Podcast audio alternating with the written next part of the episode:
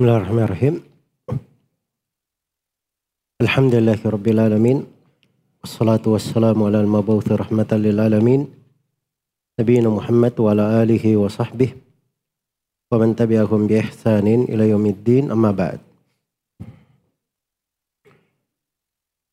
Ini sesi yang ketiga dari pembahasan kitab Al-Manzuma Az-Zamzamiyah karya Syekh Abdul Aziz bin Ali Az-Zamzami Al-Makki rahimahullahu taala. Kitab yang ke-15 dari program Kuliah Mafatih Halil. Baik, kita masih di halaman 10 dari Muqaddimah penulis rahimahullahu taala. Di pembahasan masail yang ketujuh, tafadulul Quran. Ini dia Al-Muqaddimatur Rabi'ah. Pendahuluan yang keempat oleh penulis rahimahullahu taala. Kata beliau rahimahullah wal mafdulatu so, dari kata al mafdulah ya pembahasannya minhu alal qawli bihi katabati wal fadilul lad minhu fihi atati baik al, al mafdula minhu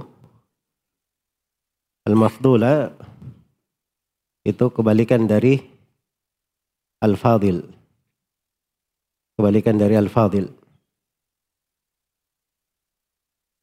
Al-Fadil artinya yang utama. Di bawahnya ada mafdulah. Di bawahnya dari keutamaan. Itu al-mafdulah. Ada uh, ayat-ayat atau surah dia disebut mafdulah. Alal qawli bihi Menurut pendapat yang mengatakan ada ayat-ayat yang mafdulah seperti itu. Ini syarat silam pendapat ya. Menunjukkan ada silam pendapat. Iya. Seperti tabbati. Ya, tabbati di sini ayat ya, surah ya. Tabbat yada abi lahabi wa tab sampai akhir surah. Ini al-mafdulah. Al-fadil, ada yang al-fadil yang lebih utama. Allad minhu. Allad itu satu bahasa ya. Bahasa dari kata alladhi.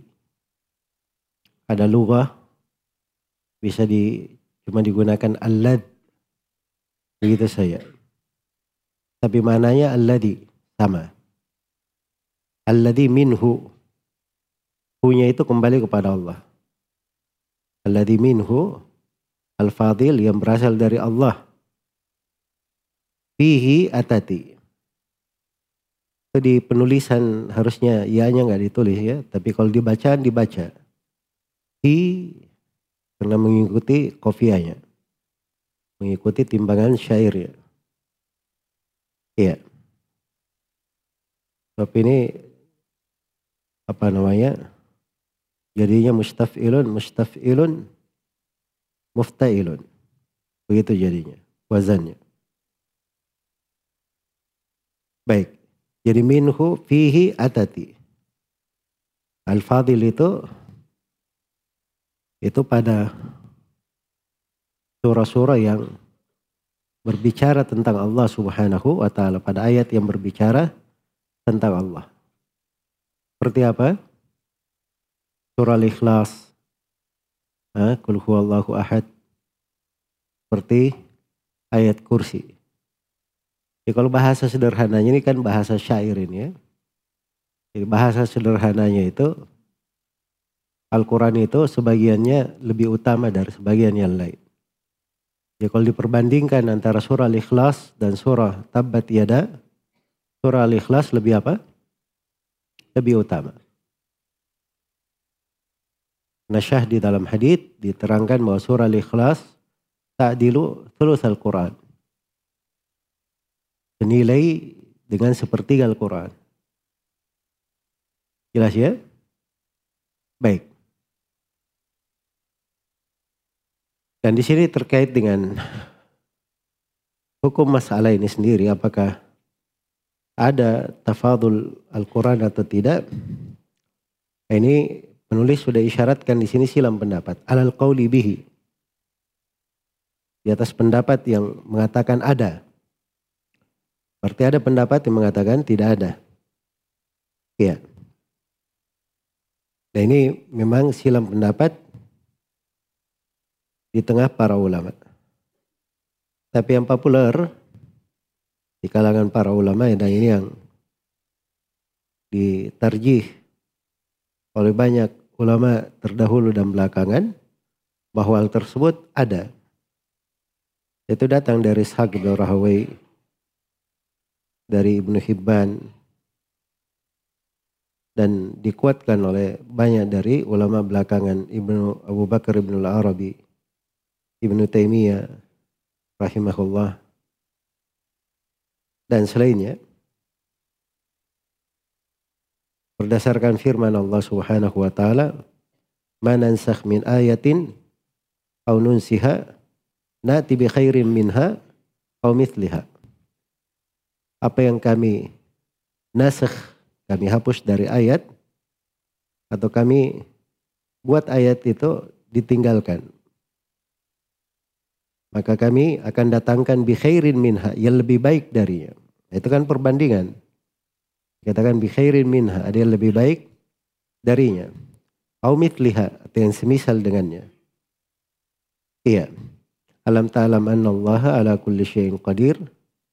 Tidakkah kamu tahu bahwa Allah maha mampu atas segala sesuatu. Ya, maksudnya ayat ini adalah dalil menunjukkan bahwa sebagian dari ayat ada yang lebih utama dari ayat yang lainnya. Ya. Dan telah syah dari Nabi Shallallahu Alaihi Wasallam di dalam hadis Abu Sa'id Ibn al-Mu'alla di Sahih al-Bukhari bahwa Al-Fatihah itu a'zamu suratin fil Quran. Al-Fatihah adalah surah yang paling azim, paling besar dalam Al-Quran. Dan juga telah datang di dalam hadis Ubay bin Ka'ab di riwayat Muslim bahwa ayat kursi itu adalah a'zamu ayat, ayat yang paling agung di dalam Al-Quran. Itu kan kalimat paling itu menunjukkan yang paling utama. Iya.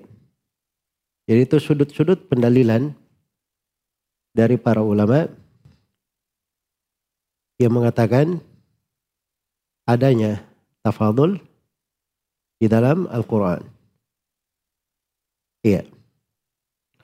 Baik. Dan ada hadit-hadit lainnya yang terkait dengan pembahasan menunjukkan akan mana tersebut. As-Suyuti sendiri rahimahullahu taala itu pernah menyebutkan atau beliau menyimpulkan dari berbagai pendapat ulama. Iya. Dan beliau katakan bahwa pada zahara li anna al-Quran yang qasimu ila afdal wa fadil wa mafdul. Telah nampak bagiku bahwa Al-Quran terbagi menjadi tiga. Ada yang fadil, ada yang afdal, yang paling afdal. Dan ada yang fadil, dan ada yang mafdul. Iya. Ada yang mafdul. Baik. Kemudian dari para ulama yang berbicara tentang tafadul Al-Quran ini, mereka juga berbeda pendapat terkait dengan tafadulnya. Tafadulnya itu dari sudut apanya? Bagiannya lebih utama di atas sebagian yang lainnya. Perjenjangan dalam keutamaan itu dari sudut apa? Ada yang mengatakan bahwa tafadulnya itu dari sudut pahala membacanya. Dari sudut pahala membacanya. Dan yang kedua ada yang mengatakan bahwa tafadulnya dari sudut makna ayat-ayatnya. Dari sudut makna ayat-ayatnya. Iya. Tentunya dua pendapat ini itu dua-duanya ada apa namanya sudut kekuatannya Walaupun pendapat yang mengatakan tafadulnya dari sudut makna itu lebih dekat. Nah kalau surah Al-Fatihah itu kelihatannya dari sudut maknanya demikian pula ayat kursi. Walaupun betul bahwa pada keduanya itu ada keutamaan lebih daripada itu. Iya. Jadi bagian surah itu seperti misalnya surah Al-Kafirun itu di syah dalam sebagian hadith dihasankan oleh Syekh Al-Albani rahimahullah bahwa kuliah al-kafirun senilai seperempat Al-Quran. Iya. Siapa yang membaca dua ayat terakhir dari surah Al-Baqarah satu malam maka itu akan mencukupinya. Itu mana-mana kan menunjukkan tafadul. Dan pada ayat-ayat yang datang itu dari sudut maknanya itu kelihatan keagungan dan kebesaran ayat-ayat tersebut. Iya. Ala ini tidak mengeluarkan ya bahwa seorang muslim itu selalu melihat pada Al-Qur'anul Karim semuanya adalah keagungan dan keutamaan. Ya, cuman berbicara di sini tentang uh, at-tafadul itu masuk di dalam uh, makna semakin mencintai Al-Quran tersebut. Semakin mencintai Al-Quran tersebut. Baik. Jadi ini kesimpulan di pendahuluan yang keempat.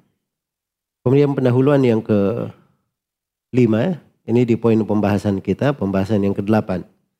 Tahrimu kiraatil Quran bil ajamiyah Al-Muqaddimatul Khamisah. Haramnya membaca Al-Quran dengan selain bahasa Arab. Ya, ini pendahuluan yang kelima. Kata penulis rahimahullah, Bigairi lafdil arabi tahrumu kira'atun.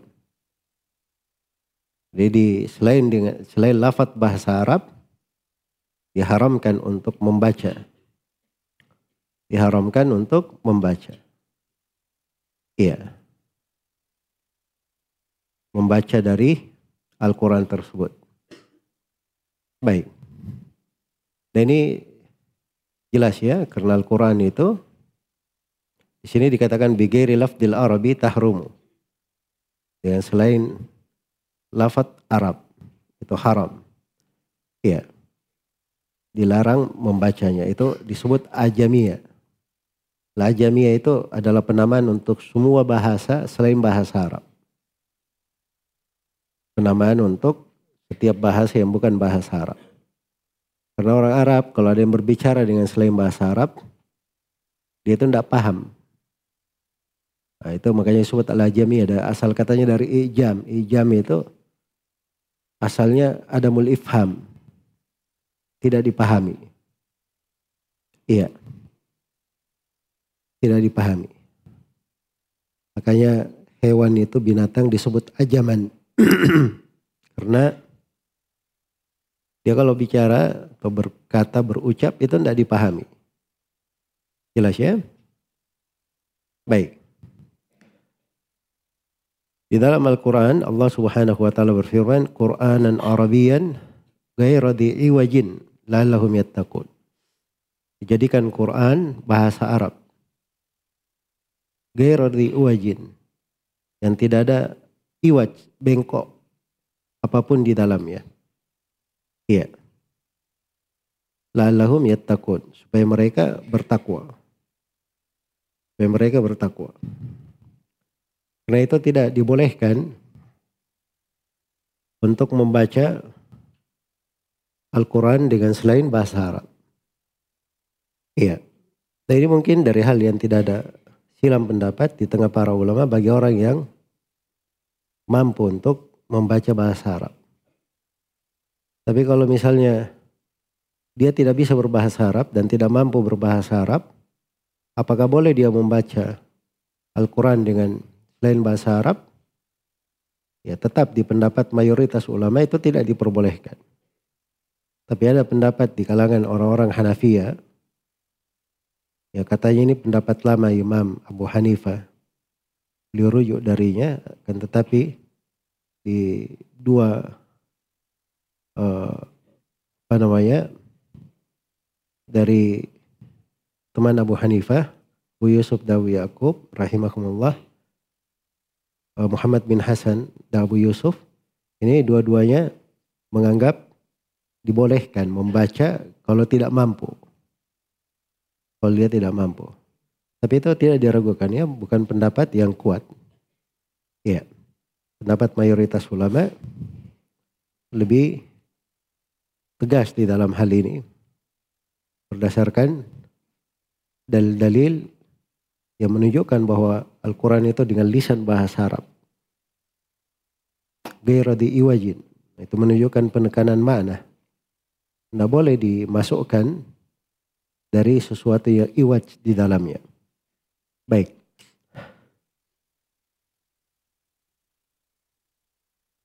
Kemudian berikutnya yang kesembilan, hukmu tarjamatil Quran. Ini al-muqaddimah as-sadisa, pendahuluan yang ke enam. Hukum menerjemahkan Al-Quran. Hukum menerjemahkan Al-Quran. Kata beliau, wa an bihi yutarjamu. Nah, itu pembahasannya di situ. Jadi haram dibaca dengan selain bahasa Arab dan haram pula diterjemahkan dengan bahasa selain bahasa Arab. Ya, lafat selain dari bahasa Arab. Baik.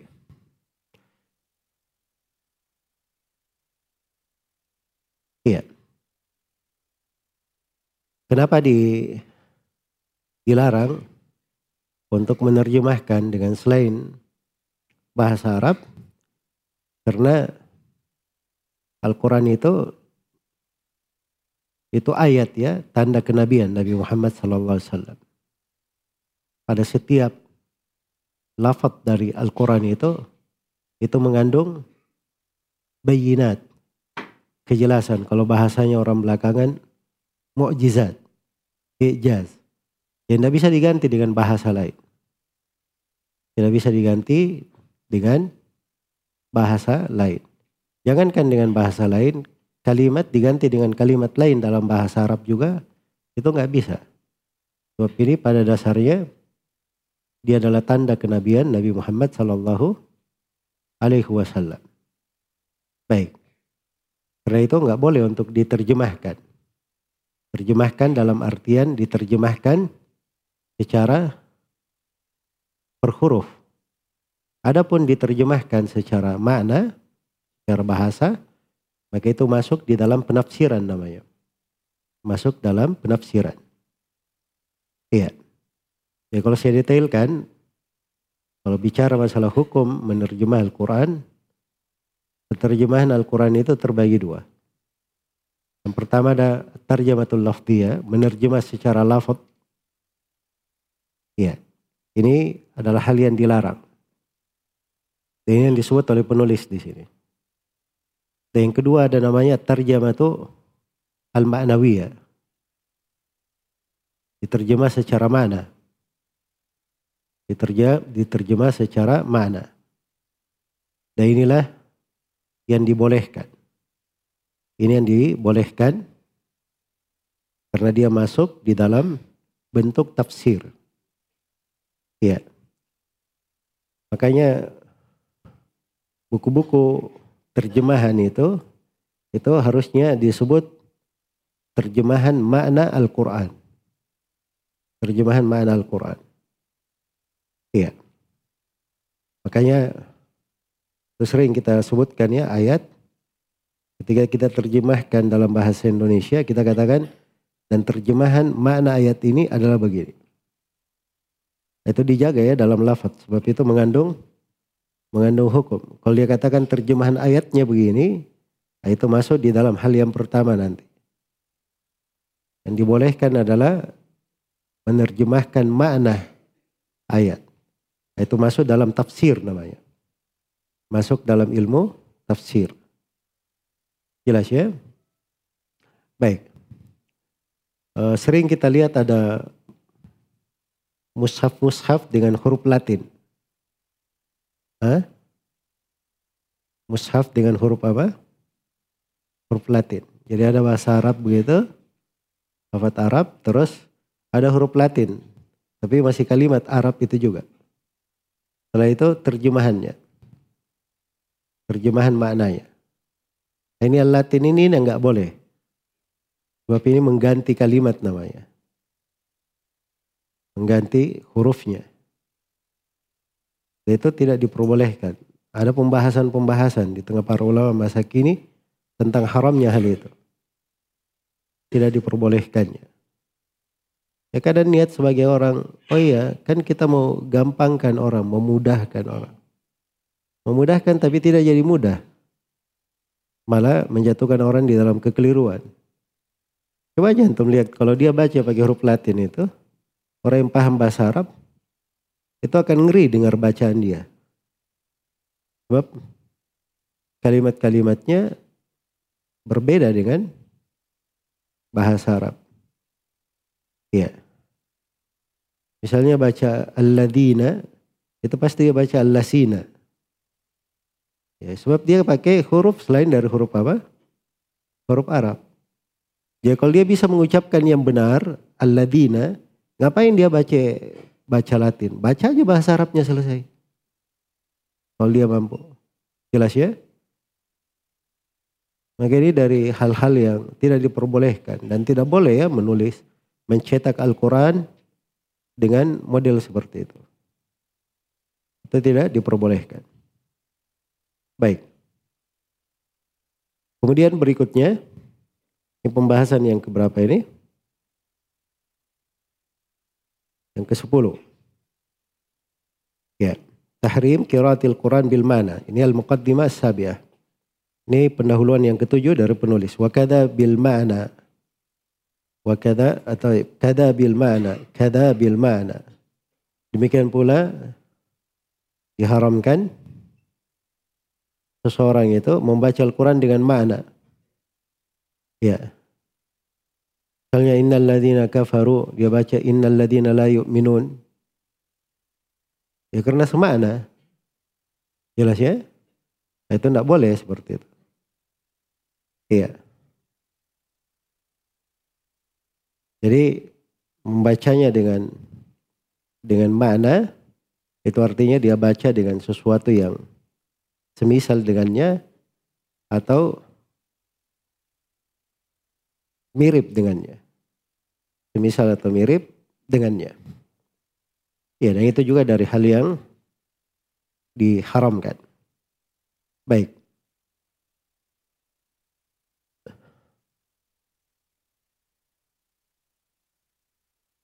Kemudian setelah itu yang kedelapan, ini pembahasan yang ke-11 kita di sini. Penulis rahimahullahu taala Baik yang ke-11 ya, tahrimu tahrimu tafsiril Quran birrai. Al-Muqaddimah Al-Thamiyah. Haramnya membaca Al-Quran, haramnya menafsirkan Al-Quran dengan ar-rai, dengan pendapat pribadi. Ini tafsir birra'i namanya. Iya.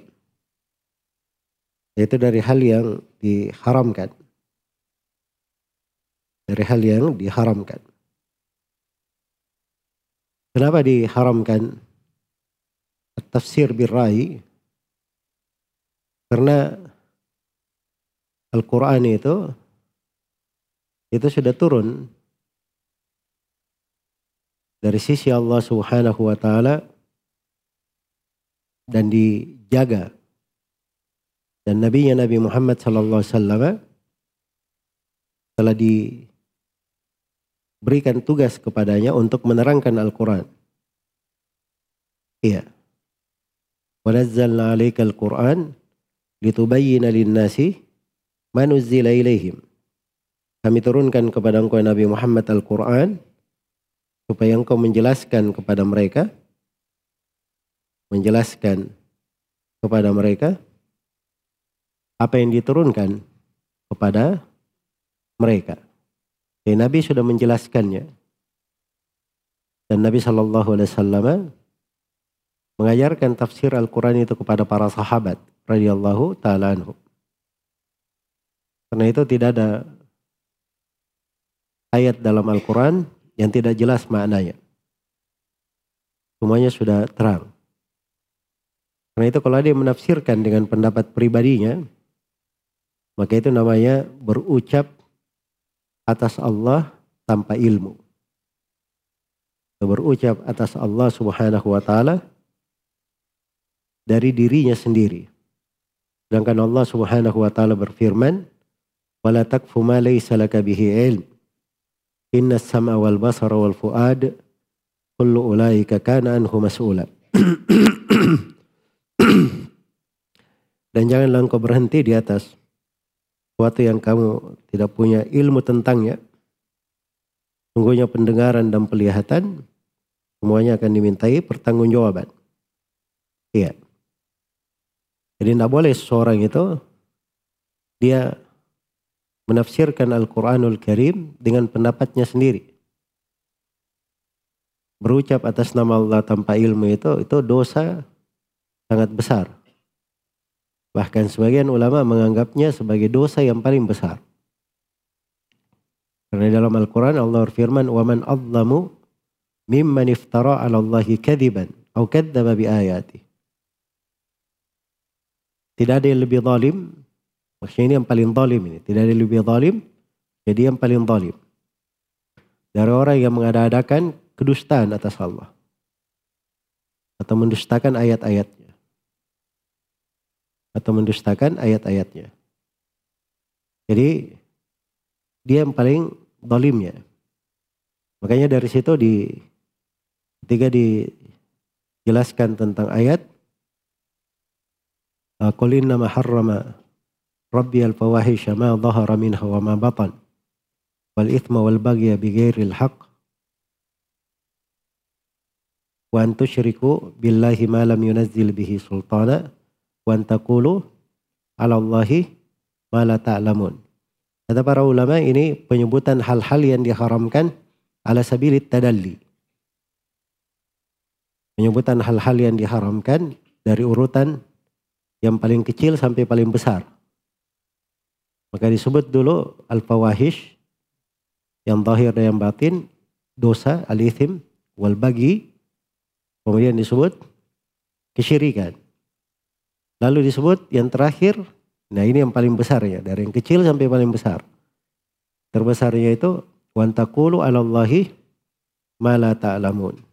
Dan kau berucap atas Allah apa yang kamu tidak mengetahuinya. Iya. Karena itu berucap atas nama Allah Subhanahu wa taala tanpa ilmu dari hal yang sangat besar. Ya telah syah dari Abu Bakar As-Siddiq radhiyallahu taala anhu, beliau berkata, "Ayu samain tudhilluni wa yu ardin tukilluni idza qultu fi kitabillahi ma la a'lam." Abu Bakar radhiyallahu taala anhu, langit mana yang menuduhi saya?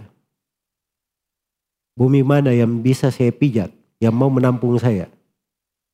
Kalau saya berucap tentang kitab Allah apa yang saya tidak ketahui.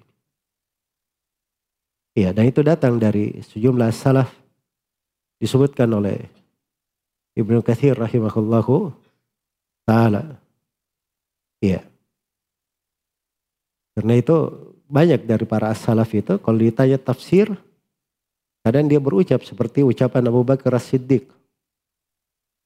Iya. Kalau ditanya tentang tafsir.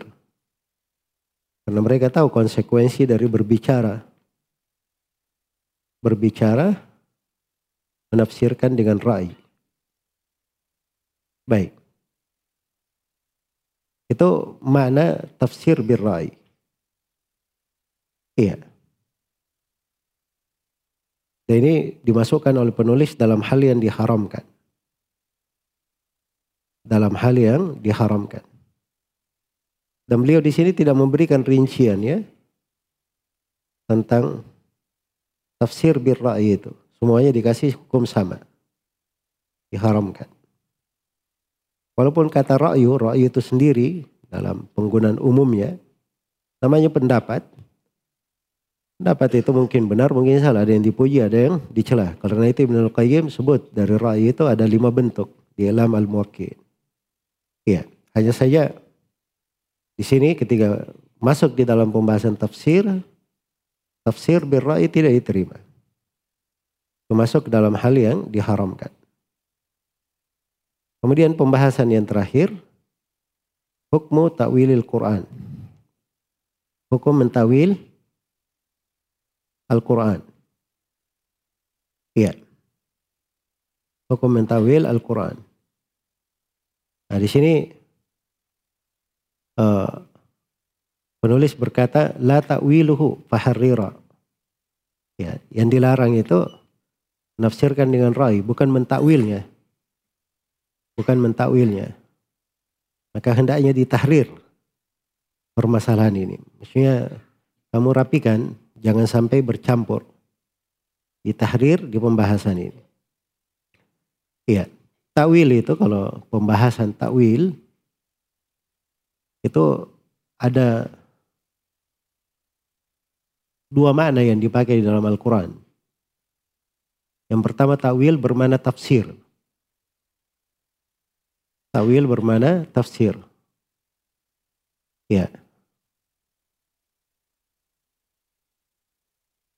Dan yang kedua, takwil adalah bermana al-haqiqah allati ya'ulu ilaihal ma'na. Hakikat yang mana itu kembali kepadanya. Hakikat yang mana itu kembali kepadanya. Baik. Jadi itu dua makna dari takwil. Takwil dengan mana yang pertama tafsir. Itu dipakai dalam Al-Quran ya. Wa ma ya'lamu ta'wilahu illallah. Tidak ada yang tahu tafsirnya atau hakikatnya kecuali Allah. Ya. Kalau tawil dengan mana yang kedua, al-haqiqah allati yaulu ilaihal ma'na, itu seperti pada ayat hal yang turuna illa ta'wila. Tidakkah mereka menunggu hari kiamat itu kecuali takwilnya. Apa tawilnya hari kiamat? Nanti kalau hari kiamatnya sudah terjadi, sudah berlangsung, nah itu baru dia percaya, baru dia beriman. Ya maksudnya tawil di situ hakikat yang mana itu kembali kepadanya.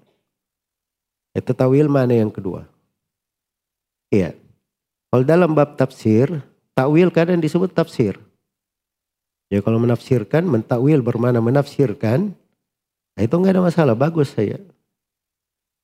Dalam menafsirkan. Jelas ya? Bagus kalau di dalam menafsirkan. Karena itu Ibnu Jarir rahimahullahu taala beliau itu punya buku iya. Beliau beri judul Jami'ul Bayan fi Ta'wili Ayil Quran. Jami'ul Bayan fi Ta'wili Ayil Quran. Ta'wil di situ bermana apa? Bermana tafsir. Karena itu banyak beliau sebutkan wa ta'wilu hadhil ayat dan ta'wil ayat ini adalah begini. Ta'wil bermana tafsir. Ya, ta'wil dengan mana itu enggak ada masalah. Iya. Ta'wil dengan mana tafsir itu adalah hal yang berjalan di tengah para ulama. Ya, misalnya ayat alladzina amanu wa lam yalbisu imanahum bidzulmin ulaika lahumul amnu wa hum muhtadun. Zulum di situ apa? Ya, zulum di situ banyak artinya. Banyak artinya. Kezaliman ya, asalnya pada mana kezaliman? Itu bisa bermana kesyirikan, bisa bermana dosa antara hamba kepada Allah selain kesyirikan dan bisa bermana kezaliman antara sesama manusia.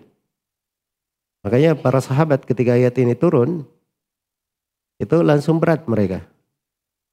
Karena mereka pahami dari konteks umum pada kata zulum.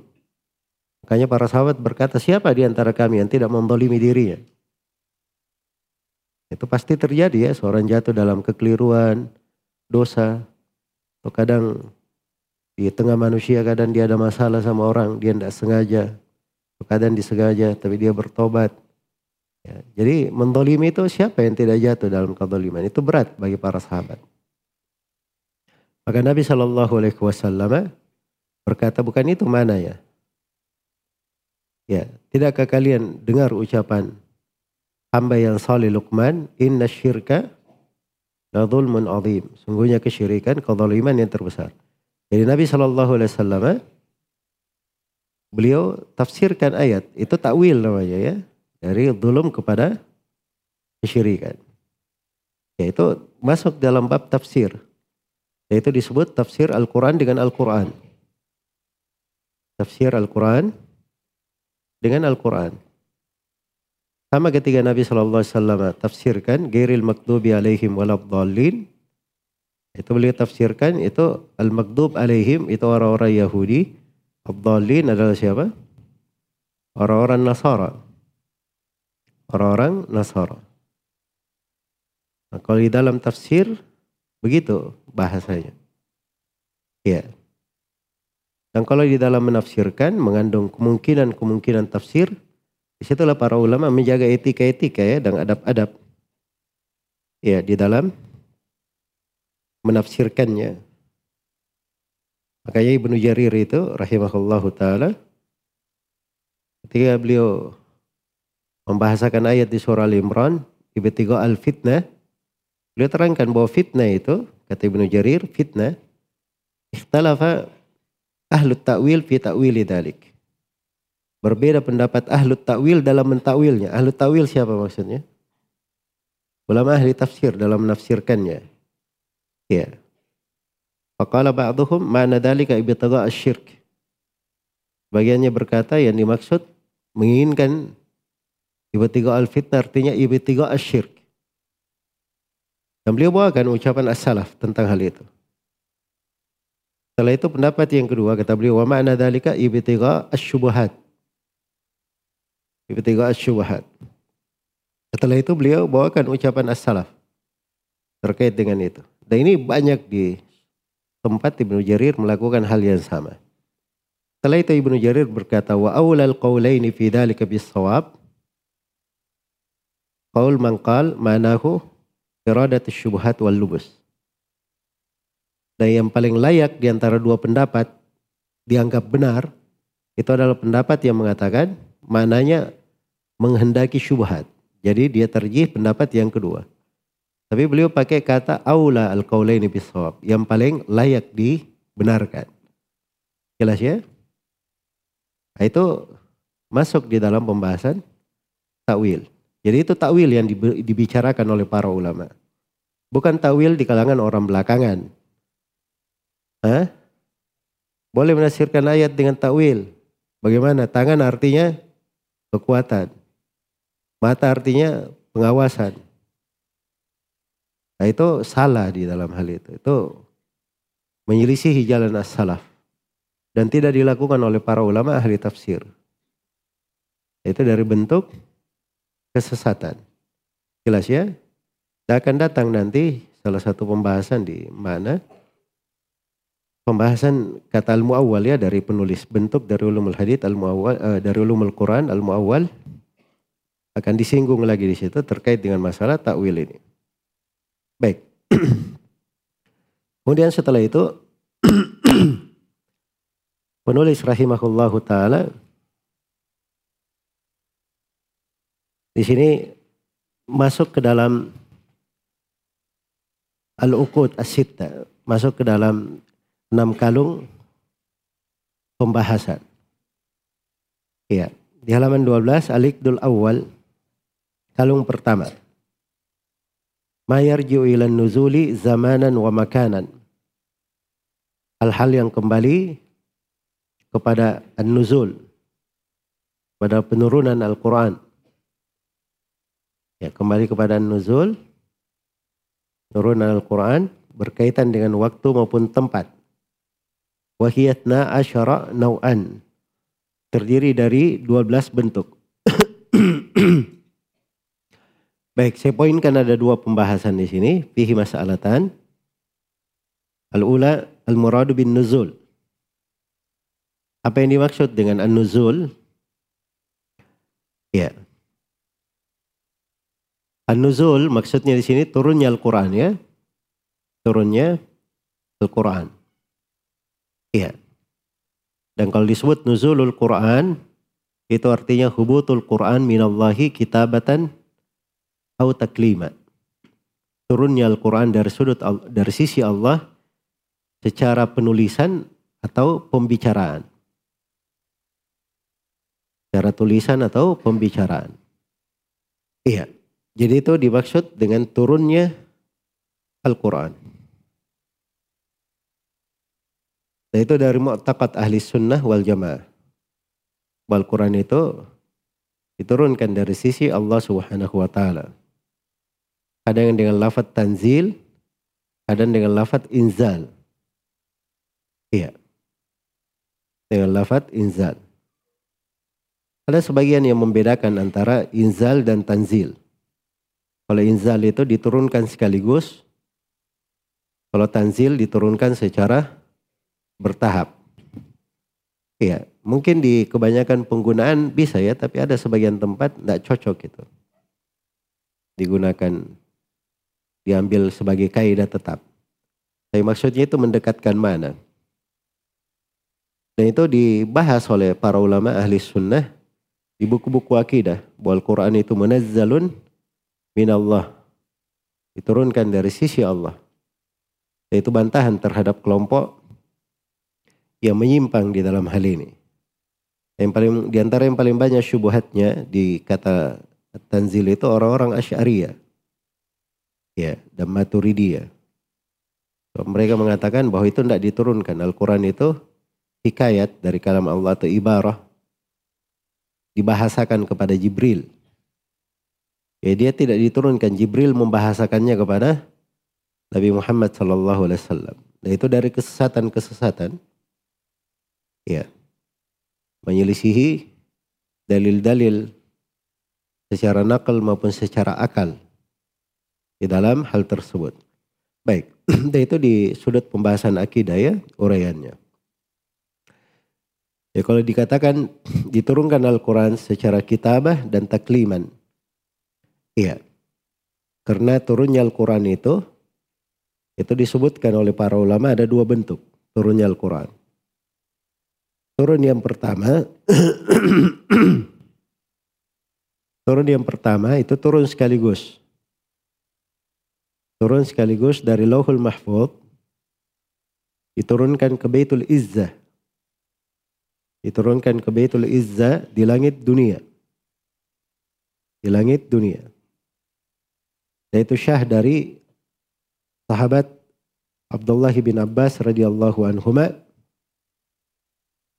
di Sunan An-Nasai Al-Kubra. Dan tidak dikenal ada yang menyelisihi Ibnu Abbas dalam hal itu. Iya. Dan Qurtubi di dalam tafsirnya menulis kesepakatan menulis kesepakatan atau menukil kesepakatan tentang hal itu. Kesepakatan di tengah para ulama. Bahwa itu tidak ada silam pendapat. Jadi pernah terjadi ya turun Al-Quran. Diturunkan langsung sekaligus ke Baitul Izzah. Nah, kemudian penurunan yang kedua. Itulah Allah subhanahu wa ta'ala menurunkannya secara beransur selama 23 tahun kepada Nabi Muhammad sallallahu alaihi wasallam. Allah berbicara dengannya. Allah berbicara dengannya. Berbicara dengan Al-Quran. Didengarkan oleh Jibril. Jibril turun kepada Nabi Muhammad wasallam. Nabi Muhammad wasallam mendengarkannya dari mulut Jibril. Iya dari mulut Jibril. Itu bahasa-bahasanya inna sanulki alaika qawlan thaqila. Ilqa itu itu dari mana diperdengarkan kepada beliau sallallahu alaihi wasallam. Warattilil Qur'ana tartila. Tartil Al-Quran itu dengan sebenar-benar tartil. Iya uh, apa namanya la tuharrik bihi lisanaka lita'jala bih inna alaina jam'ahu wa qur'ana fa idza qara'nahu fattabi' Qur'ana, thumma inna alaina bayana. Iya. Jadi kama dulu itu ketika Jibril turun, maka Nabi Shallallahu Alaihi Wasallam berusaha menggerakkan lisan beliau untuk mengikuti bacaan Jibril. Maka turunlah ayat menegur nabinya Shallallahu Alaihi Wasallam. Kalau Jibril membaca, jangan kamu gerakkan lisanmu untuk bersegera ingin membacanya. Iya. Tapi dengarkan, simak sampai selesai, baru setelah itu kamu menirunya. Faidah qara'nahu fattabi' Qur'ana. Kalau kami sudah membacanya, maka ikuti bacanya. Kayaknya di situ datang kai dari dalam ilmu kiraah Al-qiraat itu sunnatul muttaba'ah. Qiraat itu adalah sunnah yang diikuti. Ya. Jadi hanya mutaba'ah saja. Apa yang dibaca ikuti, apa yang dibaca ikuti. Yaitu kaidah datang dari sebagian sahabat, sejumlah sahabat dan tidak ada silam pendapat di tengah para ulama tentang hal itu. Faida qara'nahu fattabi' Qur'ana. Thumma inna alaina bayana. Kemudian kami akan menjelaskannya. Ini menunjukkan bahwa Al-Quran sudah dijelaskan, sudah ditafsirkan. Itu mencakup pembahasan-pembahasan yang sudah berlalu. Baik. Jadi itu yang dimaksud dengan An-Nuzul.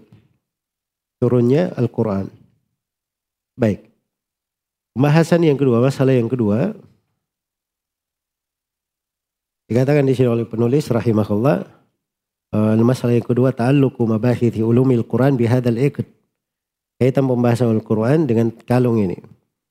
Kaitannya jelas ya karena penulis rahimahullah di sini menyebutkan uh, berbagai bentuk. Ada 12 bentuk ya beliau sebutkan. Tapi kembalinya kepada dua hal. Zaman dan makan. Ada yang terkait dengan apa namanya uh, masa, waktu, dan ada yang terkait dengan tempat. Ada yang terkait dengan tempat. Yang terkait dengan uh, masa itu akan diterangkan nanti ayat yang turun di malam atau di siang, musim panas, musim dingin. Ya. Awal ayat yang turun, akhir ayat yang turun. Terkait dengan tempat, itu mana yang maki, mana yang madani, mana yang pada saat safar, pada saat mukim, mana ayat yang turun di apa namanya dan Nabi Shallallahu Alaihi Wasallam di atas kasurnya. Iya. Adapun pembahasan asbabun nuzul itu terkait dengan masalah turunnya itu sendiri. Turunnya itu sendiri. Beliau sebutkan tentang asbabnya. Jadi seakan-akan mencakup dua-duanya. Iya. Jadi itu uraian penulis rahimahullahu taala di dalam uh, pembahasan ini dan tanpa ya terkait dengan nuzul Al-Quran itu berbagai bentuk dari ulumul Quran di sini. Beliau mulai dari An-Na'ul Awwalu Wathari. Ya. Al-Iqdul Awal uh, An-Na'ul Awal Wathani. Jadi di bawah kalung yang pertama, kalung yang pertama ini itu kan berisi dari uh, Juman. Jumannya ini mutiara-mutiaranya ini jumlahnya ada 12 di sini. Jadi kayak kalung isinya 12 mutiara. Nah, mutiara yang pertama dan kedua, atau bahasanya bentuk yang pertama dan kedua, al-makkiyu wal madaniyu. Makki dan madani. Baik. Saya poinkan di sini ada empat pembahasan. Pembahasan yang pertama ta'riful makki wal madani. Definisi Makki dan Madani. Definisinya didefinisikan oleh penulis rahimahullah. Kata beliau Makkiyuhu ma qabla hijratin nazal wal madani ma ba'daha. Iya. Wal, wal mabani wal madani ma ba'daha. Jadi ada Makki, apa definisi Makki itu? Adalah apa yang sebelum hijrah turun. Jadi semua ayat, semua surah yang turun dari Al-Quran sebelum hijrah Nabi Shallallahu Alaihi Wasallam ke Medina, maka itu disebut surah apa? Hah? Surah Makkiyah. Walaupun misalnya ayat itu turun dan Nabi tidak di Mekah waktu itu. Dan surah Madaniyah itu adalah ayat-ayat atau surah yang turun kepada Nabi Shallallahu Alaihi Wasallam setelah Nabi berhijrah ke Medina. Walaupun setelah hijrah ke Medina, Nabi tidak di Medina waktu itu. Misalnya Nabi lagi safar. Atau ada ayat-ayat yang turun di Mekah yang akan datang nanti. Ayat-ayat turun di Mekah. Dan itu Nabi sudah hijrah ke Medina. Tapi turunnya di mana? Di Mekah. Seperti ayat yang populer ya, Al-yawma akmaltu lakum dinakum wa atmamtu alaikum ni'mati wa raditu lakumul islama dina. Itu turun di mana? Turun di Mekah. Jelas ya dan uh, apa? Umar bin Khattab terangkan bahwa itu turunnya di Arafah. Turunnya di Arafah. Bukan di Medina. Tapi bersamaan dengan itu dia di surah Al-Ma'idah. Dan surah Al-Ma'idah itu surah tidak ada silam pendapat bahwa dia adalah surah Madaniyah. Surah Madaniyah. Jelas ya? Baik. Jadi ini adalah penjelasan tentang definisinya. Jadi mudah ya dalam mendefinisikan. Jadi kalau surah Makkiyah artinya? Turun sebelum Nabi Shallallahu Alaihi berhijrah. Kalau surah Madaniyah artinya apa? Turun setelah Nabi Shallallahu Alaihi Wasallam berhijrah. Ada pendapat selain daripada itu. Ada yang mengikatnya pada tempat. Jadi kalau turunnya di Mekah disebut Makkiyah, kalau turunnya di Madinah disebut apa? Madaniyah. Tapi ini tidak kuat ya, sebagaimana yang telah kita terangkan. Dan dia mengatakan ukurannya itu adalah suluh Hudaybiyah. Apa yang turun sebelum suluh Hudaybiyah itu Makkiyah, setelah suluh Hudaybiyah itu adalah Madaniyah. Dan itu juga tidak kuat. Baik. Yang lebih kuatnya adalah definisi yang disebut oleh penulis rahimahullahu taala di sini. Ya dulu di tengah para ulama itu itu tidak dikenal ya tentang apa namanya mana dulu di tengah para sahabat, para tabiin itu mereka nggak kenal nama Maki Madani. Ya itu terjadi setelahnya. Tetapi mereka ini semuanya paham tentang ayat-ayat itu. Mengerti letak-letak penggunaannya. Sudut-sudut pendalilannya. Jelas ya, bahkan kadang ada di sebagian bahasa mereka mengatakan ini di Medina, ini di Mekah. Itu ada di bahasa mereka. Walaupun istilah Makki Madani itu waktu itu mereka nggak perlu. Sebab mereka semuanya sudah tahu tentang hal tersebut. Tapi begitu subhanallah kadang dimaklumi di tengah para sahabat. Datang setelah itu orang-orang yang mungkin perlu didefinisikan hal-hal yang dimaklumi itu. Ya sama aja dengan pembahasan nahwu kan juga begitu. Asalnya orang Arab itu kalau disuruh apa namanya bilang sesuatu kalau salah ucap maka dia tidak mampu mengucapkannya. Ya. Tidak mampu mengucapkannya. Kalau misalnya bilang al-ardu was samawatu. Dia bilang al-ardu was samawatu. Baik, ala pakai ala di depannya. Langsung dia bilang alal ardi was samawati. Dia nggak mampu mengucapkan keliru orang Arab. Jelas ya? Nah itulah yang dibukukan. Jadilah ilmu nahu. Mereka tidak perlu waktu itu. Tapi belakangan banyak orang rusak lisannya.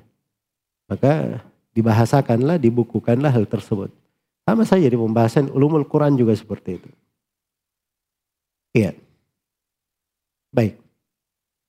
Kemudian pembahasan yang kedua, tafsilu aswar al-madaniyah, rincian surah-surah madaniyah. Kenapa disebut madaniyah dulu baru makkiyah? Penulis di sini akan menyebutkan 29 surah madaniyah. 85 surah apa? Makkiyah. Yang mana lebih banyak, madaniyah atau makkiyah? Hah? Makia lebih banyak. Jadi kalau dalam menghitung itu enaknya orang sebut 29 selain 29 ini Makia kan begitu. Iya. Kalau dia hitung 85 terlalu panjang. Selain 85 29. Makanya beliau mulai dulu dengan menyebut surah apa? Surah Madaniyah. Jadi begitu metodenya. Baik. Kata beliau, fal madani uh, baik, berikutnya wa intasal ya. Wa intasal kalau kamu bertanya, mana makki madani? Yaitu wa intasal asal asalnya dari sama dengan wa intasal. Sama. Sal bani Israel. Sal bani Israel. Itu ayat ya. Nabi Shallallahu Alaihi Wasallam bersabda, saluni ma syi'tum. Minta kepada aku apa yang kalian inginkan. Itu bahasa fasih ya. Ya kalau dalam syair ya pakai aja kadang pakai ini, pakai itu, apa yang mencocoki timbangan. Wa intasal kalau kamu tanya yang mana yang makki, yang mana madani, al madani maka saya jawab al madani awalatal qur'an awalatal qur'ani ma akhirataini wa kadal hajju taba' ma'idatun ma ma talat anfalu bara'atun warra'du wal kitalu wa taliyaha wal hadidun nasru qayyimatun zalzalatun wal qadru wan nuru wal ahzabu wal mujadalah wasir ila tahrimi wahya dakhilah wa ma ada hadha huwal makkiyu ala alladhi sahha marwiyu ngeringkas ya? Jadi kalau antum mau hafal surah-surah madaniyah itu bait 18 saja itu. Al madani awalat al qur'ani sampai Wasir ila tahrimi wa hiya dakhila. Itu surah-surah apa? Surah-surah Madaniyah sudah. Selain daripada itu Makkiyah. Begitu kaidah penulis di sini. Baik, kita rinci ya. Fal Madani yang pertama awalat al-Quran. Dua surah pertama dalam Al-Quran. Apa dua surah pertama Al-Quran? Ah. Al-Fatihah, Al-Baqarah atau Al-Baqarah Ali Imran? Ya maksudnya di sini Al-Baqarah dan Ali Imran. Jadi bukan Al-Fatihah ya. Karena itu dimaklum ya. Makanya beliau tidak memaksudkan itu. Yang beliau maksudkan adalah Al-Baqarah dan Ali Imran. Ma akhirataihi. Bersama dua surah terakhir dari Al-Quran. Hmm, surah apa itu? Surah Al-Falaq dan surah An-Nas. Baik. Wa kadal hajju. Ditambah lagi surah Al-Hajju taba. Ikut masuk dalam madani. Surah Al-Hajj ini ini dari keajaibannya dari surah-surah.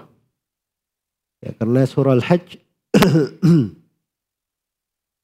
Iya. Karena surah Al-Hajj itu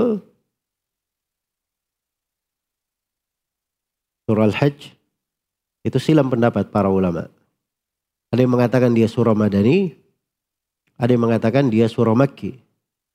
Ada yang mengatakan sebagiannya Madani, sebagian Makki. Yang mengatakan sebagiannya Madani, sebagiannya Makki, dua pendapat lagi. Ada yang mengatakan kebanyakannya Madani, sedikit Makkinya. Dan ada yang mengatakan kebanyakannya Makki, sedikit Madaninya. Jelas ya? Baik, bagi orang yang membaca surah apa? Al-Hajj ini itu akan tampak ya bahwa surah Al-Hajj ini itu lebih dekat kepada mana sebagiannya Madani, sebagiannya apa? Sebagiannya Makki. Ya. Dan lebih jelas ayat-ayat Madaninya lebih banyak. Ayat-ayat Madaninya. Lebih banyak daripada ayat-ayat Makkinya. Di akhir-akhir surah itu yang kebanyakan ayat-ayat Makkiyahnya. Baik. Ya.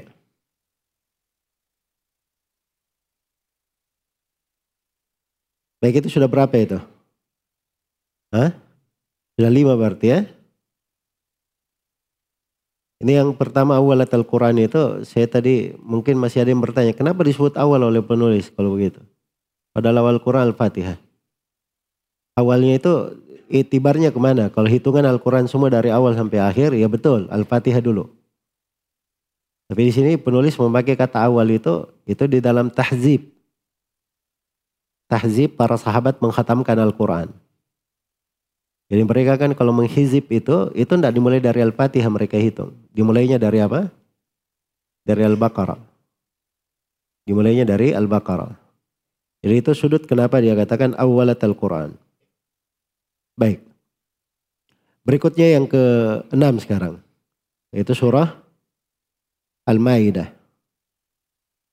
Ma'matalat bersama dengan apa yang telah mendahuluinya. Iya. Talathu, talathu maksudnya matalat.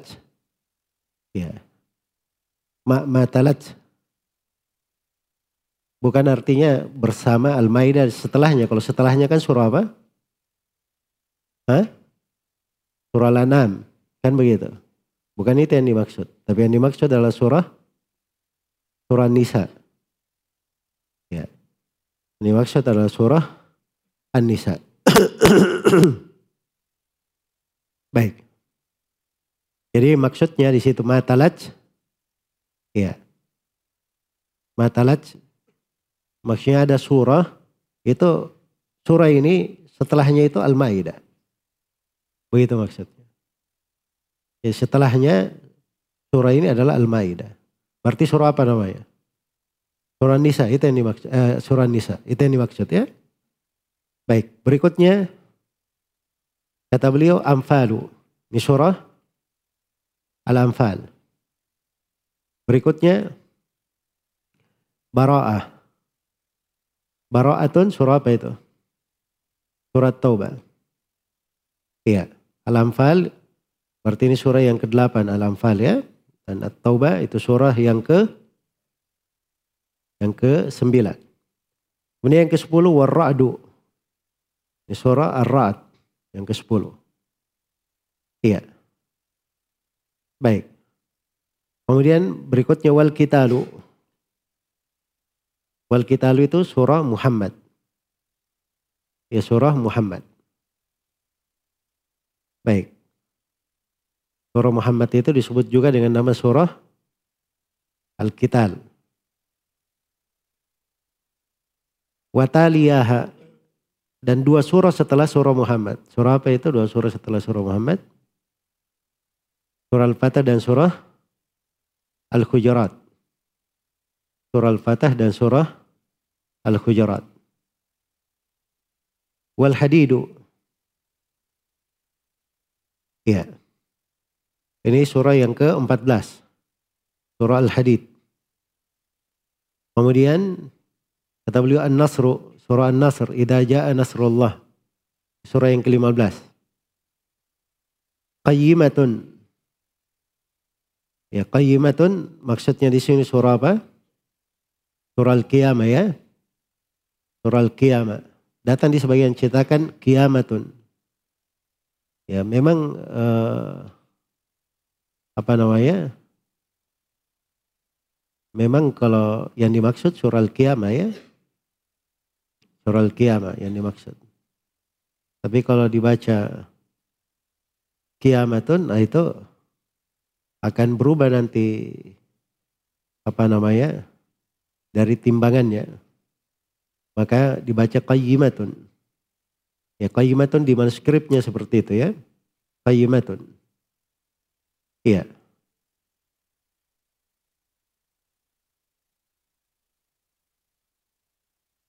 Baik.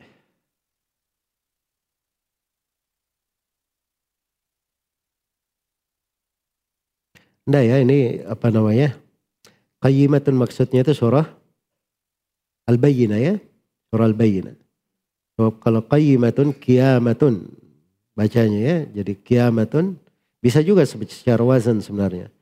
Cuma masalahnya kalau kita masukkan surah Al-Qiyamah, surah Al-Qiyamah itu surah Makkiyah menurut kesepakatan ahli tafsir. Iya. Dia masuk ke dalam surah Makkiyah. Al-Qiyamah masuk ke dalam surah Makkiyah menurut kesepakatan ahli tafsir. Adapun Qayyimah surah Al-Bayyinah Nah, surah Al-Bayyinah ini yang apa namanya? Menurut pendapat yang lebih kuat, dia masuk ke dalam surah Madaniyah. Baik. Berikutnya zalzalatun. Zalzalatun apa itu? Surah Idza Zulzilah. Wal Qadru. Surah apa? nanzalnahu wan nuru wal ahzabu ya surah al-qadar itu surah yang ke 18 An-Nur surah yang ke-19 Al-Ahzab surah yang ke-20 dan Al-Mujadalah disebut dibaca juga Al-Mujadilah itu surah yang keberapa? Surah yang ke-21. Iya.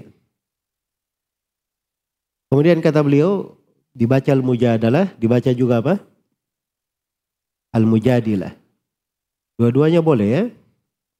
Jadi dibaca Al-Mujadalah dari sudut kejadian yang terjadi. Kejadiannya itu mujadalah yang terjadi. Dibaca Al-Mujadilah itu dari sudut si perempuan yang datang mujadilah kepada Nabi Shallallahu Alaihi Wasallam. Ya, dan beliau Khawla bintu As-Samit ya radhiyallahu anha. Berikutnya surah yang ke-22 sampai ke 29. Wasir ila tahrimi wahya dakhilah.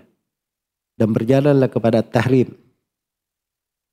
Wahya dakhilah. Dan surah tahrim masuk. Ya. Ila, kata ila kalau dalam bahasa Arab itu punya dua makna. Bisa bermana al-ghayah dan bisa bermana ma'ah. Bisa bermana ma'ah. Makanya pada ayat udu itu ya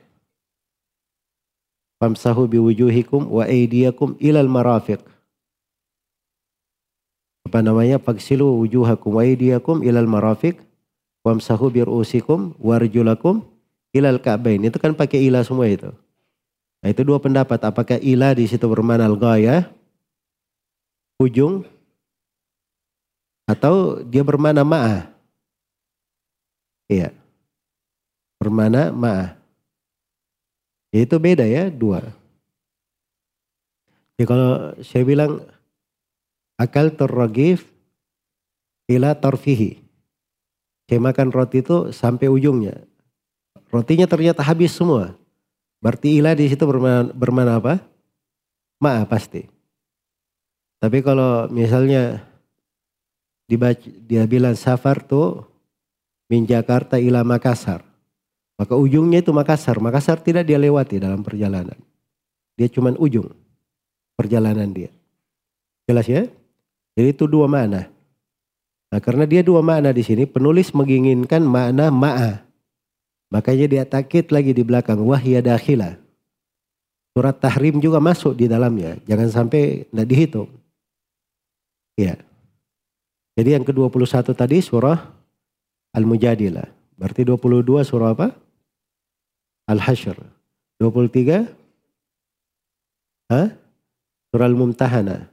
Dibaca Al-Mumtahana, dibaca juga Al-Mumtahina. Iya.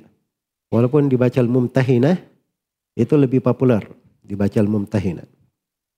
Terus 24. Surah Saf. 25.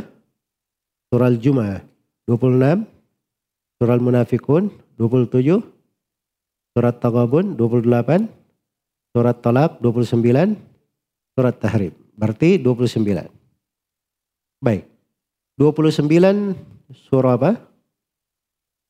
Surah Madaniyah. Kata beliau, "Wa ma ada hadha huwal makkiyu ala alladhi sahha bihil marwiyu." Ini pembahasan yang ketiga, ta'in aswaril makkiyah. Penetapan surah-surah makkiyah. Selain daripada ini, maksudnya selain daripada 29 itu itu disebut surah Makkiyah. Itulah yang sahih di dalamnya periwayatan. Yang sahih di dalamnya periwayatan. Baik. Jadi itu yang disebut dengan surah Makkiyah. Jadi 29 surah Madaniyah, 85 surah apa? Surah Makkiyah. Baik, ini nazam dari penulis. Penulis ikut kepada An-Nuqaya karya Asyuti rahimahullah. An-Nuqaya. An-Nuqaya itu di doma nunnya ya. Jangan antum baca An-Niqaya. Itu keliru. An-Nuqaya bacanya. Sama dengan Al-Khulasah. Al-Khulasah di doma kha'nya. Baik. Jadi itu pendapat penulis mengikuti Asyuti dalam hal ini. Dan tentunya kalau mau masuk ke dalam rincian, ada rincian yang lebih lebih akaat dari yang disebut oleh penulis di sini. Maksudnya lebih lebih bagus begitu, lebih kuat pondasinya. Ya, dan itu disebutkan oleh Ibnu Al-Hassar, Abu Hasan Ibnu Al-Hassar rahimahullahu taala dalam sebuah manzuma beliau. Ibnu Al-Hassar ini punya manzuma ya, terkenal. Bait syair yang paling akhirnya itu yang paling terkenal.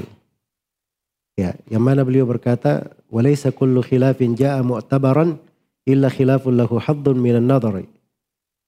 Tidak setiap silam pendapat itu dianggap kecuali silam pendapat yang ada sudut kekuatannya. Baik. Di nazamnya itu Ibn al-Hassar itu beliau sebutkan surah Madaniyah itu yang disepakati oleh para ulama 20. Disepakati oleh para ulama ada berapa? Ada 20. Yang silam pendapat ada 12. Silam pendapat ada berapa? 12. Selebihnya adalah surah Makkiyah menurut kesepakatan. Itu lebih mudah ya antum ini ya. Bisa ditambah sedikit saja. Kita upgrade sedikit pembahasannya ya supaya kita tahu yang mana yang disepakati, yang mana yang silam pendapat. Iya. 20 yang disepakati itu yang pertama surah Al-Baqarah. Kita hitung ya surah Al-Baqarah, kemudian surah Ali Imran, surah Al-Maidah, yang ketiga, yang keempat surah Nisa, sebelumnya Nisa Al-Maidah. Kemudian yang kelima surah Al-Anfal. Yang keenam surah Bara'ah, surah Taubah. Yang ketujuh surah Muhammad. Yang kedelapan surah Al-Fatah. Kesembilan surah Al-Hujurat. Ya, yang ke sepuluh surah Al-Hadid. Baik. Yang ke-11 dari kita hitung di hitungan penulis ya. Yang ke-11 Nah ini sudah berapa? 11 atau 12? Jari saya nunjuk 12, lisan saya 11. Hah? Berapa antum catat? 10. Yang ke-11 surah Al-Qadar. Iya. Yang ke-12 surah Nur. Yang ke-13 surah Al-Ahzab. Sudah berapa? Hah? 13. Kemudian yang ke-14 surah Al-Mujadilah. Yang ke-15 surah Al-Hashr. Yang ke-16 surah Al-Mumtahana. Sudah berapa? Hmm? 16.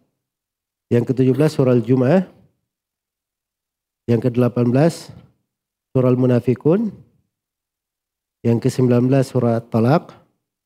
Dan yang ke-20 surah Tahrim. Itu 20 yang disepakati. Ya. Berarti kalau 20 yang disepakati, yang mana yang silam pendapat di sini? Disebut oleh penulis. Ada 9 silam pendapat. Dua yang terakhir tadi, apa? Al-Falaq, An-Nas. Hmm? Terus surah Al-Hajj. Surah Ar-Ra'd. Empat. Surah An-Nasr. Lima. Surah Qayyimah. Surah uh, Al-Bayyinah ya. Enam. Surah Ida Zulzila. Tujuh. Kemudian ditambah dua, surah As-Saf dan surah Tagabun.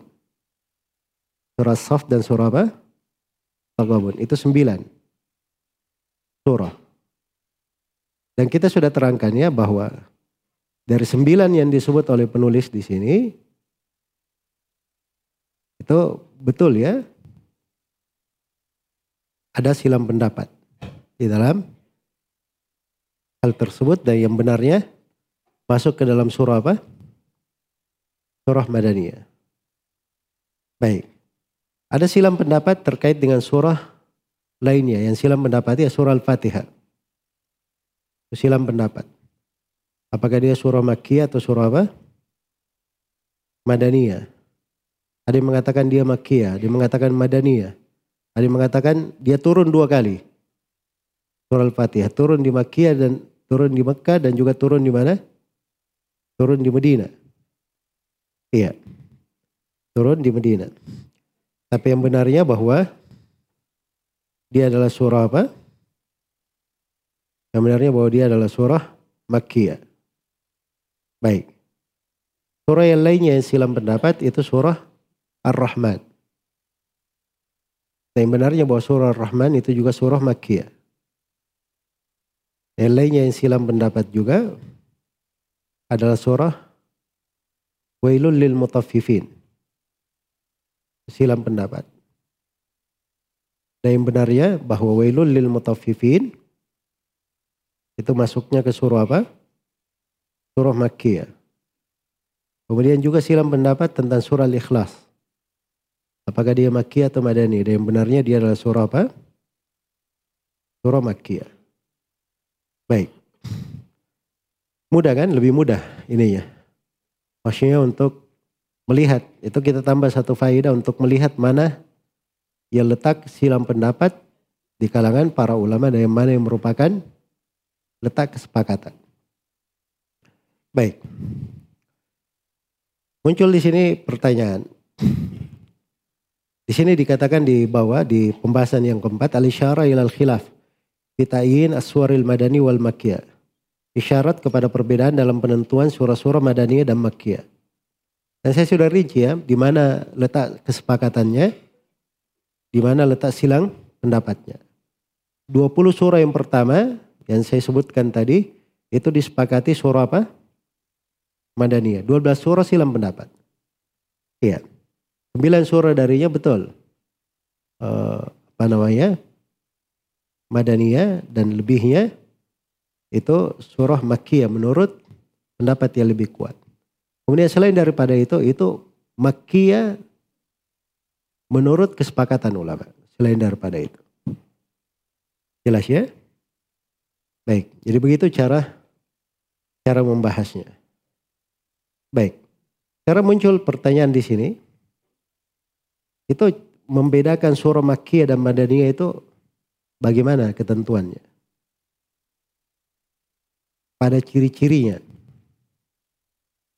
Terus yang kedua, apa faedah di dalam membedakan Makiyah dan Madaniyah? Adapun dari cirinya itu bisa dilihat ya dari sudut uslub dan temanya. Cirinya itu bisa terlihat dari sudut uslub dan apa? Dan tema. Iya. Kalau surah Makkiyah itu, kalau surah Makkiyah itu di uslubnya dari sudut uslub judul ya di surah Makkiyah. Iya. Itu uslubnya itu kuat kalau di surah Makkiyah. Kitabnya sangat mendalam sekali. Karena kebanyakan yang diajak bicara itu orang yang berpaling bersombong. Maka dikasih kitab yang keras sekali. Iya. Kalau melihat surah Makkiyah disepakati, lihat surah Al-Qamar dan surah Al-Muddathir. Itu disepakati Makkiyah itu. Itu selub kitabnya itu kan luar biasa. Ya. Luar biasa mendalam, mengena ke jiwa. Karena memang ini untuk orang-orang yang bersombong ini. Di, seperti surat Tur itu. Sampai kata Jubair bin Mut'im, dia mendengar suara tur dibaca oleh Nabi di sholat maghrib. Iya. Kata beliau hampir saya apa namanya ruhku itu seakan-akan keluar. Ketika mendengar ayat am khuliqu min ghairi syai'in anhumul khaliqun. Apa mereka dicipta tanpa sesuatu atau mereka yang mencipta. Itu kan uslubnya itu mendalam ya. Berbeda dengan uslub di surah Madaniyah. Kebanyakan uslubnya itu lemah lembut. Sebab yang dihitab ini adalah kebanyakannya adalah kaum muslimin. Orang-orang yang sudah dengar dan taat. Ya. Coba lihat surah Madani yang disepakati. Surah, misalnya ambil surah Al-Maidah ya. Itu luar biasa ya, lihat uslub. Indah sekali bahasa di surah Al-Maidah itu. Baik. Kemudian uslub yang lain juga, dari sudut uslub perbedaannya, kalau surah Makkiyah, itu uslubnya itu ayat-ayatnya pendek. Dan kuat dalam hujjah. Makanya kalau antum lihat ada ayat-ayat pendek, nah itu ciri surah apa? Surah Makkiyah. Walaupun tidak semuanya ya, sebagaimana yang sudah berlalu bersama kita. Iya, kalau surah Madaniyah itu biasanya ayat-ayatnya panjang. Makanya ayat yang terpanjang itu di surah apa? Hah? Di surah Al-Baqarah. Itu satu halaman penuh itu. Itu ayat yang terpanjang. Ayat firman Allah ya ayyuhalladzina amanu idza tadayantum bidaini ila ajalin musamman sampai akhir ayat. Itu ayat yang terpanjang. Baik. Kemudian dari sudut temanya. Dari sudut temanya. Kebanyakannya pada surah Makkiyah itu itu mentakrir tentang tauhid, tentang akidah yang lurus. Karena itu bantahan terhadap kaum musyrikin mengingkari hari kebangkitan, mengingkari apa namanya uluhiyah Allah Subhanahu wa taala. Berbeda dengan tema dari surah Madaniyah, kebanyakannya itu penjelasan hukum-hukum, ibadah-ibadah, muamalah. Karena Orang-orang sudah masuk Islam, ya banyak karena itu banyak hukum-hukum terkait dengan apa namanya hukum-hukum kelengkapan syariat itu turunnya di kota Medina. Baik. Kemudian perbedaan yang lain kalau di surah apa namanya Makkiyah itu ya apa namanya di surah Madaniyah ya, di surah Madaniyah itu penyebutan jihad. Nah, itu surah Madaniyah. Penyebutan kaum munafikin itu di surah apa? Surah Madaniyah. Ya. ya kalau ada seperti itu itu berarti surah Madaniyah. Kalau surah Makkiyah tidak ada. Jihad dengan tangan dilarang di Mekah. Kaum munafikin tidak ada di Mekah. Kaum munafikin mulai ada di mana? Di Medina. Ya, jadi itu cara cara membedakan. Ya, metode di dalam membedakannya. Baik. Jadi itu kira-kira ya dari ciri-ciri di dalam membedakannya. Ya, kemudian di ininya juga terkait dengan kisah-kisah ya. Kebanyakan apa namanya? surah-surah uh, Madaniyah itu, surah-surah Makkiyah itu itu kisah-kisahnya itu itu menjelaskan tentang umat-umat yang telah lalu bagaimana dibinasakan ketika dia menyelisih para nabi dan para rasul. Uslub surah Makkiyah. Tapi kalau kisah-kisah di surah Madaniyah itu banyak terkait dengan ahkam. Banyak terkait dengan apa? Ahkam. Baik itu perbedaan-perbedaannya yang menyolok antara uh, dua surah ini. Baik, sekarang muncul pertanyaan, apa faedahnya seorang mengenal Makki dan Madani? Ya banyak faedah ya di dalam hal tersebut. Yang pertama, penjelasan tentang balagah Al-Quran. Al-Quran itu balagahnya luar biasa ya. Uslub pembicaraan pada setiap kaum sesuai dengan apa? Sesuai dengan apa yang mencocoki mereka.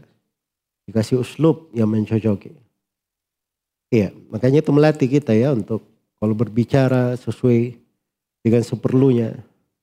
Tidak cocok orang yang uslubnya itu tinggi terus, keras terus. Atau uslubnya itu lembut terus. Tapi dia sesuai dengan orang-orang yang dia bi, di, dibicara. Itulah balaga namanya. Ya, kemudian yang kedua, itu menampakkan hikmah pensyariatan.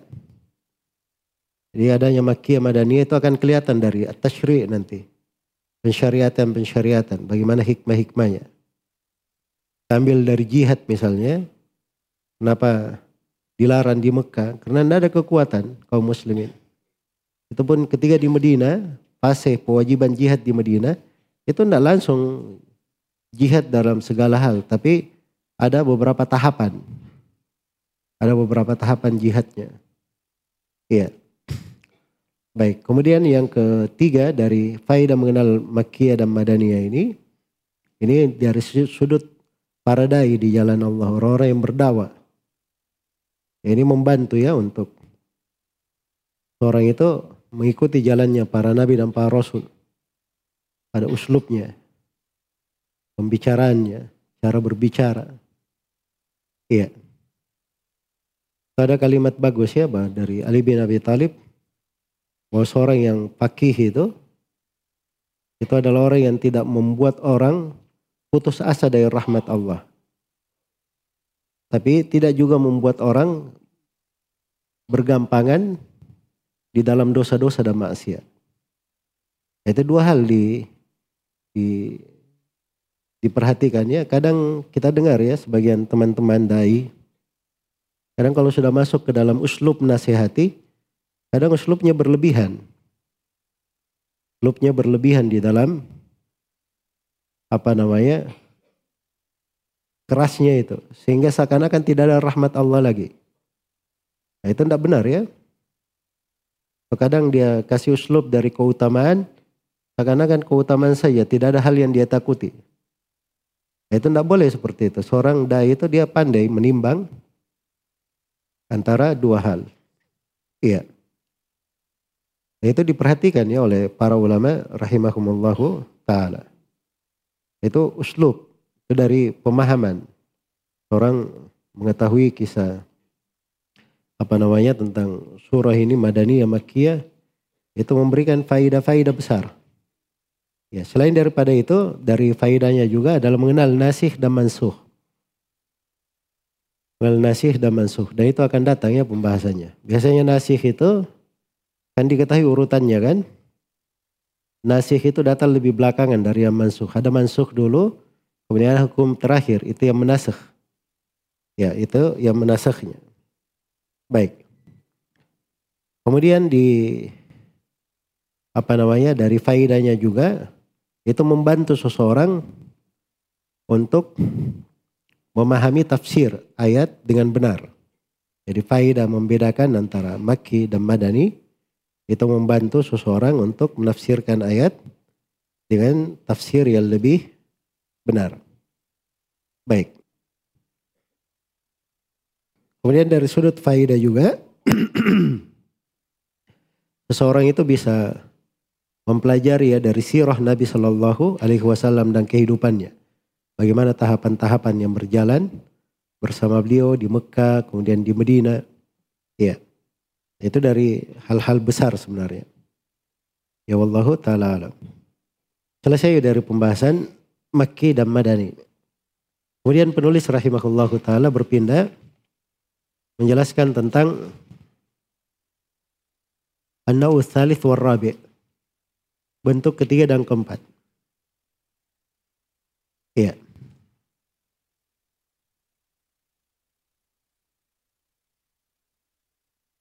Kata beliau rahimahullah, Al-Hadariyu was-Safariyu min ayil Quran. Al-Hadariyu dan Safari dari ayat-ayat Al-Quran. Ini saya poinkan tiga pembahasan. Yang pertama Al-Muradu bil Khadari was-Safari. Biasanya kalau di masail saya sebut Al-Muradu bikada wa kada. Itu artinya penulis itu tidak memberi definisi khusus untuk naw tersebut. Iya. Jadi karena dia tidak beri definisi khusus, kita tahu bahwa maksudnya itu ada. Maksudnya ada. Karena ketika dia terangkan bait-bait syair, itu penjelasan tentang masalah tersebut supaya kita bisa memahami maksud dia apa. Ya, makanya saya globalkan pembahasannya menjadi al-muradu bil hadari was safari. Apa yang dimaksud dengan yang dimaksud dengan al-hadari was safari Al-hadar itu nisbat kepada hadar, artinya dia hadir, mukim. As-safari itu nisbat kepada safar. Ya. Dan maksud pembahasan jelas ya. Al-hadari maksudnya ayat-ayat Al-Quran yang turun dan Nabi sedang apa? Mukim. Das safari adalah ayat-ayat Al-Quran yang turun, surah yang turun, dan Nabi Wasallam sedang sedang safar. Ya karena manusia keadaannya cuma dua, apakah dia mukim atau dia musafir. Mukim atau musafir itu kondisi umumnya seperti itu ya. Walaupun di pembahasan fikih itu ada istilah lebih mendalam dari itu. Ada mustautin, mukim, dan musafir. Itu di pembahasan fikihnya. Tapi di pembahasan menjadi dua di sini penulis hanya yang menjelaskan mana yang di waktu mukim dan mana yang di waktu di waktu safar. Baik. Kemudian pembahasan yang kedua, addu ma nazala fis safar. Jumlah ayat yang diturunkan dalam perjalanan. Baik. Kenapa dimulai dengan safar dulu?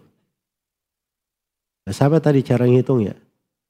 Sebab kebanyakan ayat-ayat turun kepada Nabi dalam kondisi apa? Kondisi mukim. Dalam kondisi mukim. Makanya disebut safari saya. Iya. Baik. Dan di sini beliau sebutkan ada lumayan ya, ada delapan. Ya beliau sebutkan ada delapan tempat, ada delapan dari apa yang turun pada saat safar. Kata beliau wasafari ka ayati tayammumi. Ma'idatin bidati jaishin fa'alami. Kata beliau dan safar itu seperti ayat tayammum. Safar seperti ayat tayammum. Ma'idatin ayat tayammum yang berada di surah Al-Maidah.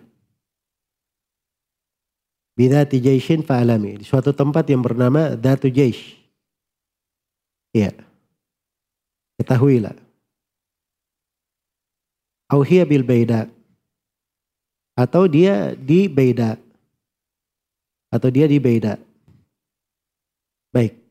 Ini tempat yang pertama ya. Tentang ayat tayamum. Ya Ya ayyuhalladzina amanu idza qumtum ila sholati faghsilu wujuhakum wa aydiyakum ilal marafiq sampai kepada ayat wa idza wa in kuntum marda aw ala safarin aw jaa ahadun minkum minal ghaid falam tajidu ma'an aw lamastumun nisa falam tajidu ma'an fatayammamu faidan tayyiban.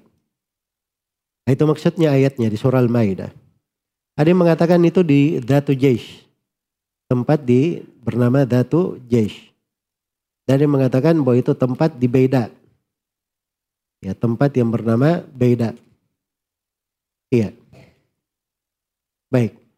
Nah ini dua, dua tempat ini, dua-duanya bukan di Mekah dan bukan di Medina ya. Cuman berbeda saja di dalam letaknya di mana. Ada yang mengatakan bahwa ini antara Medina dan Khaybar, dan ada yang mengatakan ini antara Medina dan Mekah. Antara Medina dan Mekah. Tapi Dua tempat ini dua-duanya bukan di Mekah dan bukan bukan di Medina. Tempat yang kedua, Thummal fathi fi qara'inil ghamimi ya yaktafi. Iya. Kemudian surah Al-Fath. Surah Al-Fath ini itu turunnya di tempat yang bernama Qura Al-Ghamim. Iya.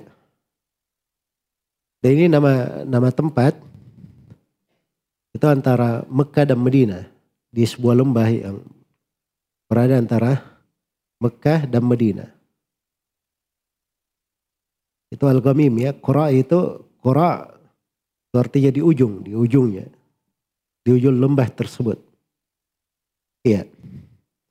Dan ini syah di dalam Sahih Al-Bukhari dari hadits Umar bin Khattab radhiyallahu ta'ala anhu. Terkait dengan turunnya di surah Al-Fath. Berikutnya terkait dengan turunnya surah Al-Fatah ya, inna fatahna laka fatham mubina sampai akhir surah. Berikutnya tempat ya, di sini dikatakan ya man yaktafi. Wahai orang yang iktifa, yang mengikuti tiba. Yaitu dari keindahan syair ya, syair itu kadang uh, apa namanya kadang si si nadimnya itu memasukkan kalimat-kalimat motivasi di dalam syairnya. Jadi dia menadam sebuah, sebuah buku tapi dia masukkan kata-kata motivasi. Iya. Di dalam mantuma mereka. Seperti Ar-Rahabi, Ar-Rahabi ya, di Ar-Rahabi dia berkata fahfad fakullu imamin hafidhu. Apa fakullu hafidhin imamu. Ya. Hafallah kamu, setiap orang yang menghafal itu akan menjadi imam. Nah itu kan kalimat motivasi. Iya. Kalimat motivasi. Sama di sini, ya man yaktafi. Wahai orang yang ittiba. Jadi memang pekerjaan belajar ini menekuni ilmu itu, itu orang yang mau menapaki jalan Nabi memang seperti itu. Iya. Dia betul mengingin ingin menapaki jalannya Nabi, ikuti metodenya yang dijalani oleh para ulama. Tempat yang ketiga, wabi minat taku wa ba'du yauma wa turja'una awwali hadzal khatma. Ya, di Mina turun ayat wattaku. Setelah kata wattaku ada kata yauman. Ya dan turjauna itu kalau kamu lanjutkan akhirnya ada kata turjaun. Apa namanya? Eh, ada kata turjaun setelah itu kasus sambung sampai akhirnya. Maksudnya ayat ya wattaku yauman turjauna fihi ilallah thumma tuwaffa kullu nafsin ma kasabat wa hum Itu ayat di surah Al-Baqarah. Itu turunnya di Mina. Turunnya di Mina. Baik, kemudian yang ke berapa? Yang keempat. Ini langsung disebut oleh penulis di sini ya, karena ini ada kaitannya dengan Makki Madani tadi ya. Itu memperjelas definisi penulis. Ini kan semua di Safar, tapi bukan di Medina. Tapi bersamaan dengan itu, uh, dihitung ayat Madaniyah karena turunnya setelah Nabi Shallallahu Alaihi Wasallam berhijrah. Baik. Termasuk surah Al-Fatah ya. Ini sudah yang pertama surah Al-Maidah, yang kedua surah Al-Baqarah, yang ketiga surah Al-Fatah. Itu Madaniyah semua. Kemudian kata beliau, wa yawma fathin amana rasulu li akhir surati ya saulu. Ya. Di akhir surati ya saulu. Tempat yang keempat di sini amana rasulu bima unzila ilaihi min rabbih. Ya, itu ayat sampai akhir surah. Dua ayat berarti ya. Sampai akhir surah. Baik. Ini turunnya di Fathu Mekah. Turunnya di Fathu Mekah. Iya. Baik. Dan di sini dikatakan ya Saulu, wahai orang yang banyak bertanya. Wahai orang yang banyak bertanya. Itu sama ya dengan sebelumnya. Ya man yaktafi. Jadi penulis memasukkan kata-kata motivasi di dalam hal tersebut. Ya. Dan ini penyebutan bahwa diturunkan kepada Nabi Shallallahu Alaihi Wasallam di Fathu Mekah itu datang dalam riwayat-riwayat ya. Dan ya Saulu ini sama seperti ketika Saulu ya seakan-akan motivasi bahwa seorang penuntut ilmu itu itu harusnya banyak bertanya. Lisannya itu banyak bertanya. Iya. Jadi orang yang banyak bertanya itu akan banyak kebaikan yang dia dapatkan. Ya kira-kira seperti itu. Ya kira-kira seperti itu. Karena itu datang di sebagian sahabat. Mereka itu ditanya. Ya. Mereka ditanya kenapa kamu bisa dapat ilmu sedemikian banyak. Dikatakan kepada Ibnu Abbas radhiyallahu taala anhu, "Kaifa asabta hadzal ilm?" Bagaimana kamu dapatkan ilmu ini? Kata beliau, bilisanin Saul wa qalbin aqul. Dia dapatkan dengan lisan yang selalu bertanya. Dan hati yang selalu berpikir, selalu berakal. Iya. Jadi memang kalau ingin dapat seperti itu ya dia harus banyak bertanya. Berarti Ibnu Abbas radhiyallahu taala anhu disebutkan bahwa hadit yang beliau riwayatkan langsung dari Nabi itu sekitar 20 hadit yang langsung beliau dengar dari Nabi. Selain daripada itu riwayat-riwayat dari sahabat yang lain. Riwayat dari sahabat yang lain lebih banyak. Saking banyaknya Ibnu Abbas mendengar dari sahabat yang lain. Sampai kadang dia tunggu Umar ibn Khattab. Dia temani sampai Umar akhirnya bisa menangkap. Kayaknya kamu mau bertanya sesuatu wahai anak paman Rasulullah. Maka Ibnu Abbas pun berkata iya. Nah, itu dari adab ya. Ya dia tidak langsung datang, dia cegat Umar, wahai Umar. Ya, begini dan begitu, tidak. Tapi dia lihat waktunya, dia lihat kesempatannya. Kadang dia mau bertanya dia tunjukkan. Mau bertanya bukan dengan lisannya, dengan perbuatannya. Nah, itu dari ketinggian akhlak itu, ketinggian adab. Dari Ibn Abbas. Maka Umar pun bercerita tentang hadith panjang terkait dengan masalah apa namanya Nabi Shallallahu Alaihi Wasallam melakukan ilah terhadap istri-istrinya.